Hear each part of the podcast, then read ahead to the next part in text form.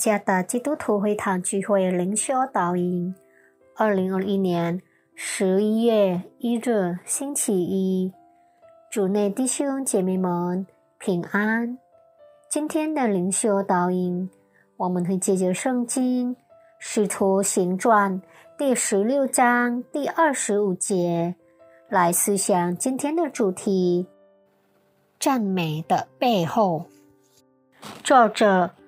合城里传道，《使徒行传》第十六章第二十五节，约在半夜，保罗和希拉祷告、唱诗、赞美神，众囚犯也侧耳而听。一位捷克逊教士彼得·贾瑟克。因被视为间谍，在苏丹被逮捕并被监禁。他被监禁了十四个月，在监狱中，他受到狱友的折磨。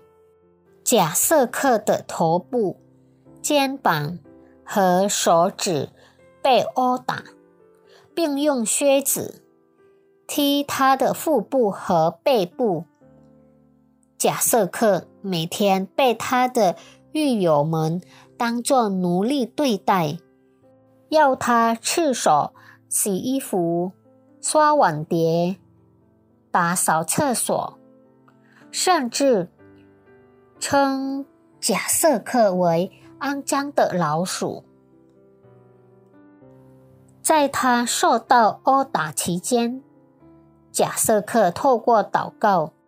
高举和荣耀上帝来面对，这更激怒了他的狱友。他们一致决定以更残酷的方式折磨贾瑟克。贾瑟克的心仍然坚定的信靠基督。贾瑟克赞美上帝的背后，含有见证上帝的荣耀。是墙壁、监狱，甚至逼迫都无法束缚的。使徒保罗和希拉在腓利比时也有类似的经历。他们被逮捕、拖曳、殴打多次，最后被关进监狱，因为他们在腓利比城被视为骚扰制造者。他们以一颗完全交托、顺服上帝旨意的心，去面对所经历的逼迫。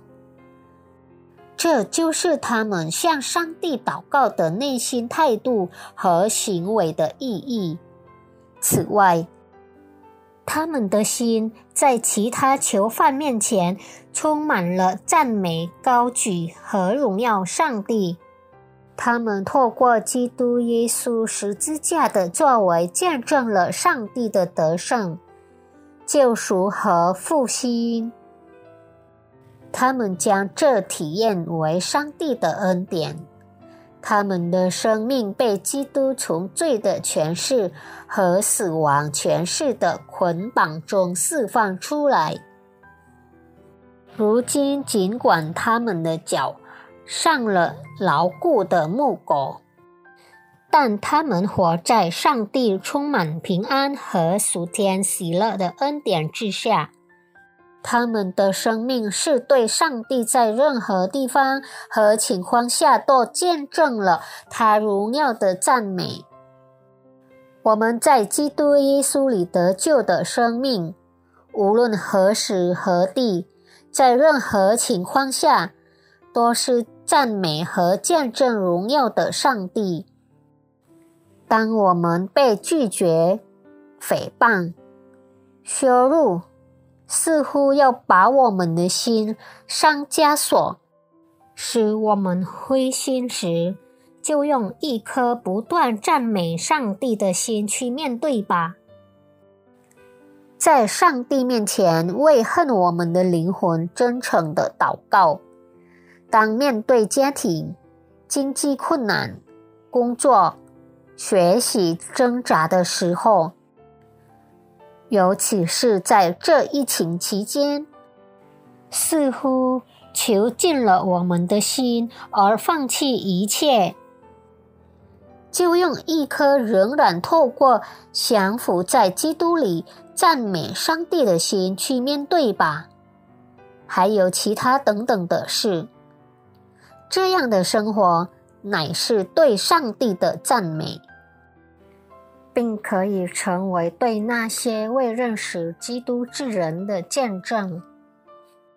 被基督救赎的上帝敬拜者的一生，既是对他荣耀的赞美和见证。愿上帝赐福大家。